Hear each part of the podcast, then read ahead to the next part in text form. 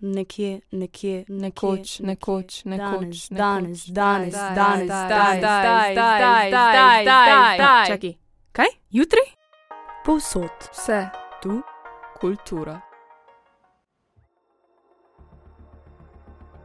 Vsakeč, ko gledamo film, serijo, ko beremo knjigo ali poslušamo glasbo, zaplujemo v nov svet. Drugačen svet. Včasih se razlikuje le za nekaj malenkosti, včasih pa se zdi, da je čisto nekje drugje. Naj bo to v prostoru, recimo v drugi galaksiji, ali v času, ali pa no, kar oboje. Vsekakor pa nas ta svet z nečim obdrži. Obstajati mora vsaj nekaj, zaradi česar se nam zdi vredno, da ga raziščemo. In zelo radi to počnemo, ker tako lahko vsaj za trenutek zbežimo od resničnosti, ki je včasih, se veste, prenaporna, ali pa iz radovednosti, da odkrijemo kaj novega in vidimo svet z druge perspektive. Verjamem, da si že kar težko predstavljamo življenje brez vsakodnevnih pobegov, če ne drugega, tistih v sanjah. V tokratni oddaji se bova zato posvetili nadaljevanju in, vsaj za zdaj, zaključevanju sklopa v resničnosti s temo, ki je najbrž ena bolj zanimivih in relevantnih v oddaji o, o kulturi. Mm, torej, kako ustvarimo resničnost? Kako ustvarimo nov svet, ki se zdi otipljiv in privlači ostale ljudi?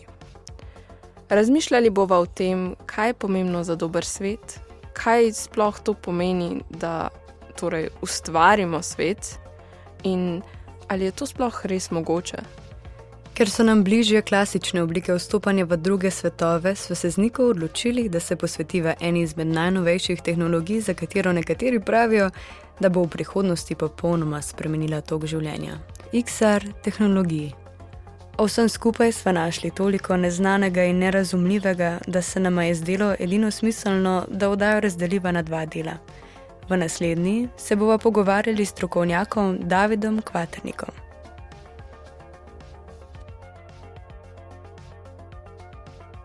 Poglavje 1.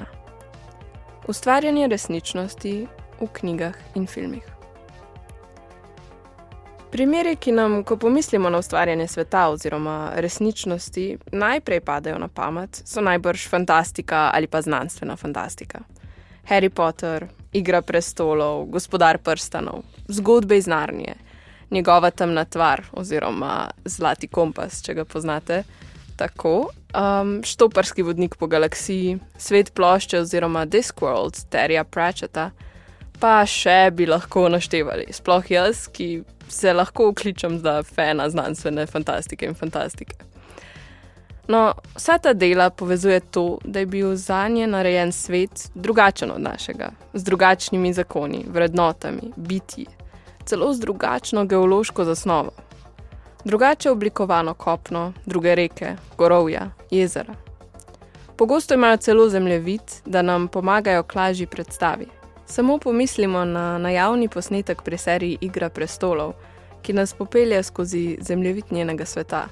Pa animirani filmi, kjer lahko karakteri dobijo popolnoma nekonvencionalne oblike.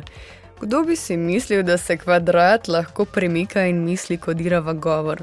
Vedno sem si želela na popotovanje v risanko Koko. Tako v vasico, kjer je Koko doma, kot v barvito onostranstvo, kjer življenje poteka tako podobno kot pri nas na Zemlji, hkrati tako drugače, da me vabi na obisk. Zdi se mi, da lahko te svetove, ki smo jih omenili, delimo na več vrst. Jaz osebno bi izpostavila tri trende, znotraj katerih se prepletajo. Prvič, svet je paralelen in edini. Svet ima svojo obliko. Naša vrsta Zemlje tam ne obstaja in tudi nikoli ni obstajala, oziroma se je glavni junaki ne zavedajo. Skratka, je tako, kot da bi živeli tukaj, kjer smo zdaj, le da bi ta tukaj izgledal čisto drugače. Lahko bi bila površina, kjer živimo, na hrbtu ogromne želve. Lahko bi bila struktura planeta ali karkoli že je tisto, kjer bi živeli, čisto drugačna. In mi ne bi poznali drugega. Tako kot danes ne vemo in se dolgo nismo niti zavedali možnosti, da kje drugje obstaja še kakšen drug svet. Res je, da pogosto svet ne more biti ločen od posameznika, ki ga je zasnoval. Toda kljub temu je za nas nekaj čisto drugačnega. Naj navedem nekaj primerov.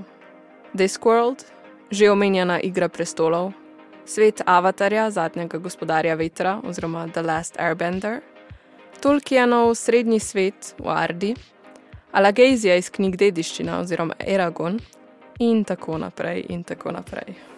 Hmm. Ti svetovi so, po mojem mnenju, najboljši pobeg iz resničnosti, ker so tako drugačni, ampak hkrati niso, ker delujejo po že znanih pravilih življenja, ki jih lahko razumemo. Verjetno od teksta, filma ali knjige, ki se v ničemer ne bi povezoval z resničnostjo, v kateri živimo, skoraj da ni mogoče ustvariti.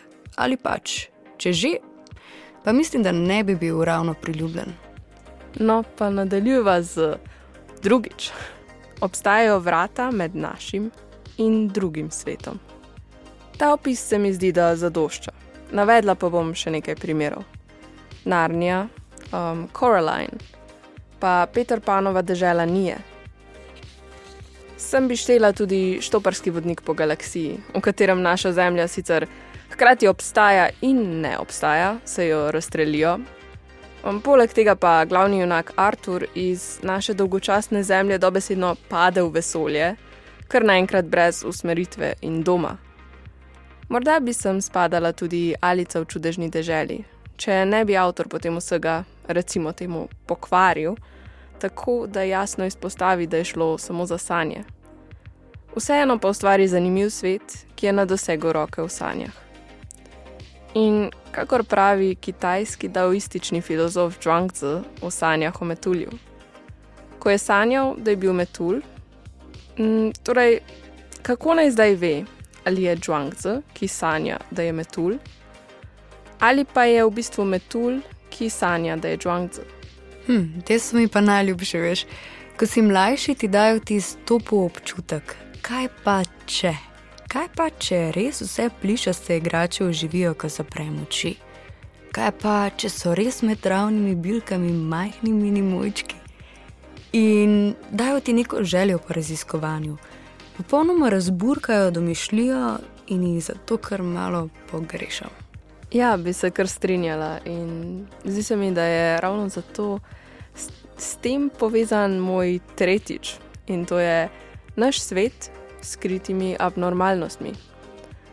Tak svet predpostavlja, da okoli nas sočasno obstaja nekaj, česar se ne zavedamo, nek drugačen svet. Ta koncept ni nov, pojavlja se že v religijah in mitologiji, pa tudi v vsakdanjem življenju ga srečamo. Že zgodba o praprotnem semenu, ki nas začara z dejstvom, da če ti na kresno noč v čevelj pade praprotno seme, lahko govoriš z živalmi. Ko sem bila mlajša, smo imeli zgodbo o škratih, ki te opazujejo, ko hodiš v hribe. In če si priden in enakomerno hodiš, ti na vrhu spona pustijo posladke. Tudi vile, čarovnice v gozdu, palčki, mini mojčki, premehni, da bi jih opazili, spadajo sem. Hm, ne veš kaj, jaz bi pa drugo in tretjo kategorijo kar združila skupaj v eno. Morda so ta vrata, ki jih omenjaš v drugi kategoriji, le preskok misli, ki daje drugačen pogled in omogoča, da vidimo, česar na prvi pogled ni. Ali pa dobesedno samo pomanjšan svet, v katerega moramo biti samo dovolj mehni, da ga vidimo no? in da smo del njega. Poleg tega so še drugi primeri. To so naprimer svet Harry Potterja, kjer med nami bunkalni živijo čarovniki pa Murakamijeve knjige, ki vsebujejo zelo močno noto obarvanosti z nadnaravnostjo. Oboje sem že omenila v preteklih oddajah. Stvari, za katere velja, da so na prvi pogled nevidne, a verjamemo, da obstajajo, je neskončno. Verjetno ste že kdaj pomislili, da nam, ko smo sami, delajo družbo duhovi. Nekateri celo verjamemo, da naše telesa obdajo raznobarvne aure, nekateri trdijo, da jih celo vidijo. Pa še ogromno je takšnih stvari, ne na zadnje še prah na policiji, ki ga vidijo samo starši. in tudi tukaj ne moramo reči, kaj je resnično in kaj ne. ne? No, seveda pa obstaja še čisto resničen svet znotraj našega čisto resničnega sveta, če se dotaknemo filmov, knjig, serij. In ali ni tudi to v bistvu novo ustvarjeni svet? Že to, da osebo postaviš v odnose z novimi, namišljenimi osebami, je po svoje ustvarjanje sveta. Kadarkoli sestavljamo skupaj koščke in z njimi vežemo skupaj zgodbo, ustvarjamo nov svet. Svet, ki nam ni znan, svet, s katerim se igramo. Poleg tega se vprašam, ali ni torej, če zadevo malo zasukamo, vsak svet v bistvu resničen? Sestavljen je namreč iz koščkov, ki jih avtor pozna iz resničnega sveta, naj bo iz odnosov, knjig, samih dogodkov iz planeta Zemlje in te zlaga v novo zaporedje. Hkrati to pomeni, da je morda svet že poznan za avtorja, za bralce oziroma občinstvo, ki seveda nima iste izkušnje, pa je nov. Ali je torej ta svet nekaj novega ali ne?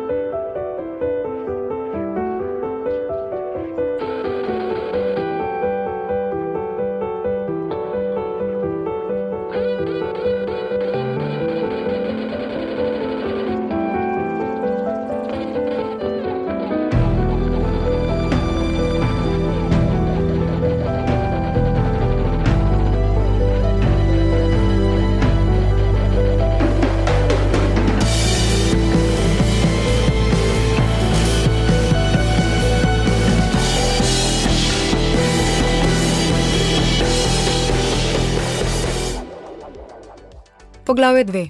Predstavitev koncepta XR.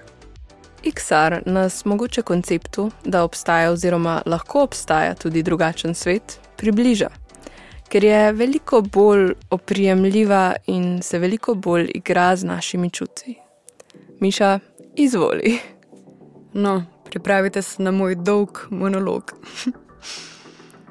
Kot so že omenili v prejšnji oddaji, igranje resničnosti nam je podjetje Skybox omogočilo, da sproba brezžična VR očalo Oculus Quest, ki ima zraven še ročke za lažje upravljanje v virtualnem svetu.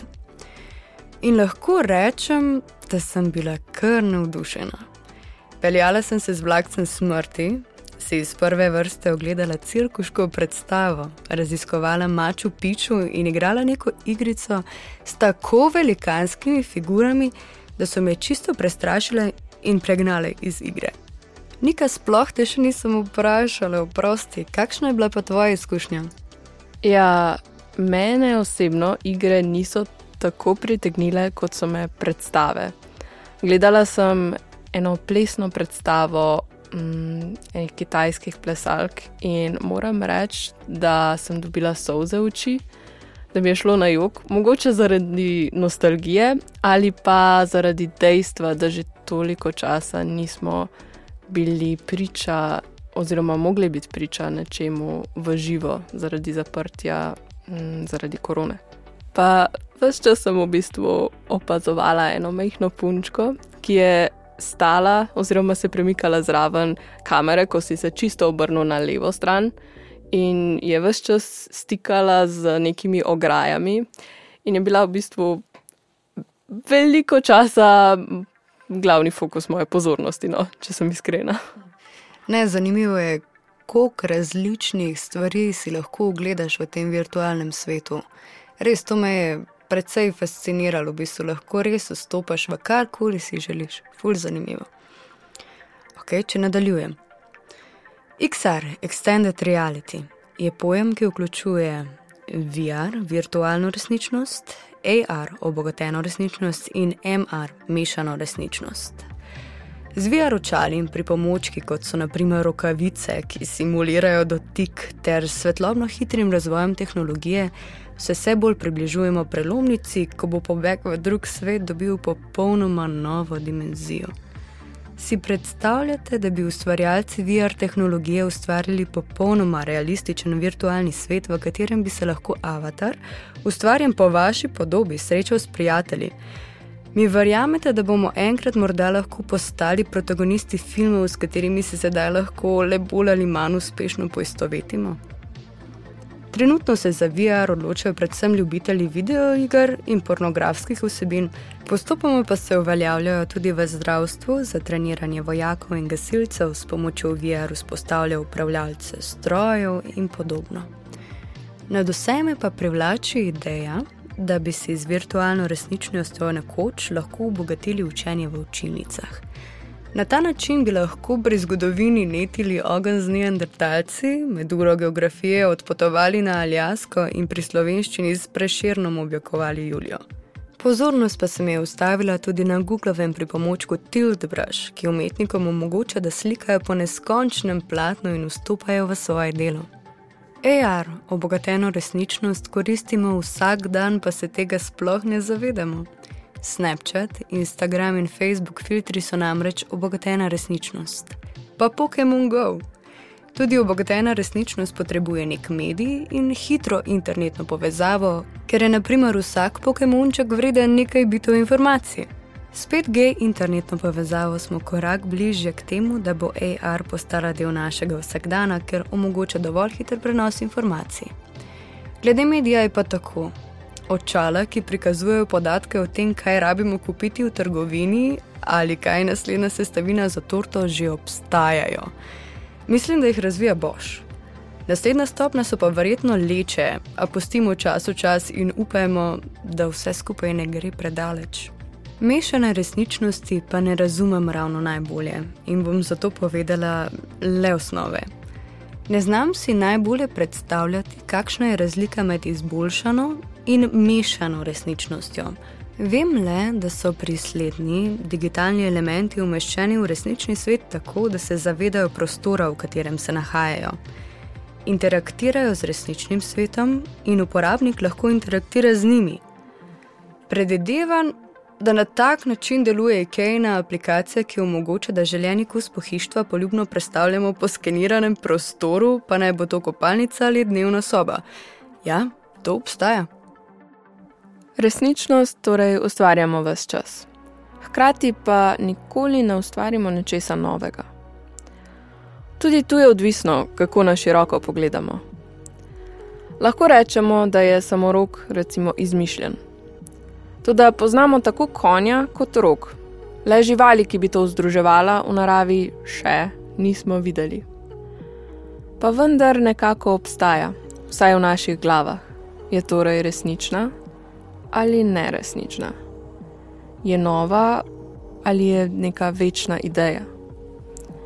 Pri teh vprašanjih se vedno znova srečamo z osnovnimi vprašanji naše psihe. Kako vem, da nekaj vem? Naša podzavest je veliko večja od zavesti in morda menimo, da smo ustvarili nekaj novega, v bistvu pa to le obujamo. Se vidi, da sem zadnje čase brala Junga. Ustvarjanje svetov s svojimi pravili je ravno zato tako zanimivo, se mi zdi. Omogoča nam, da presežemo svojo zavest in se igramo s tem, kar bi lahko bilo in kar mogoče v bistvu je, brez da se omejujemo zakoni našega sedanjega sveta. Lahko si zamislimo situacije, ki jih še nismo izkusili, lahko smo ljudje, ki še nismo bili, lahko živimo tam, kjer še nismo bili. Na tak način lahko ogromno spoznamo o sebi in drugih, hkrati pa damo drugim priložnost, da spoznavajo s pomočjo našega sveta. In VR oziroma XR je morda prav manifestacija tega. Je fizični proces, kako prenesti idejo v nekaj otipljivega, kar bo zaradi bližine našim čutom morda poglobilo našo možnost izkušnje. Tokratno nagradno vprašanje brez nagrade se glasi: Bi lahko VR pomagal k večji kreativnosti, zaupanju vase in empatiji? Hvala Niki, hvala Roku in hvala meni, pa vam, dragi poslušalci, seveda in se vidimo prihodnič. Točno tako. Nasvidenje.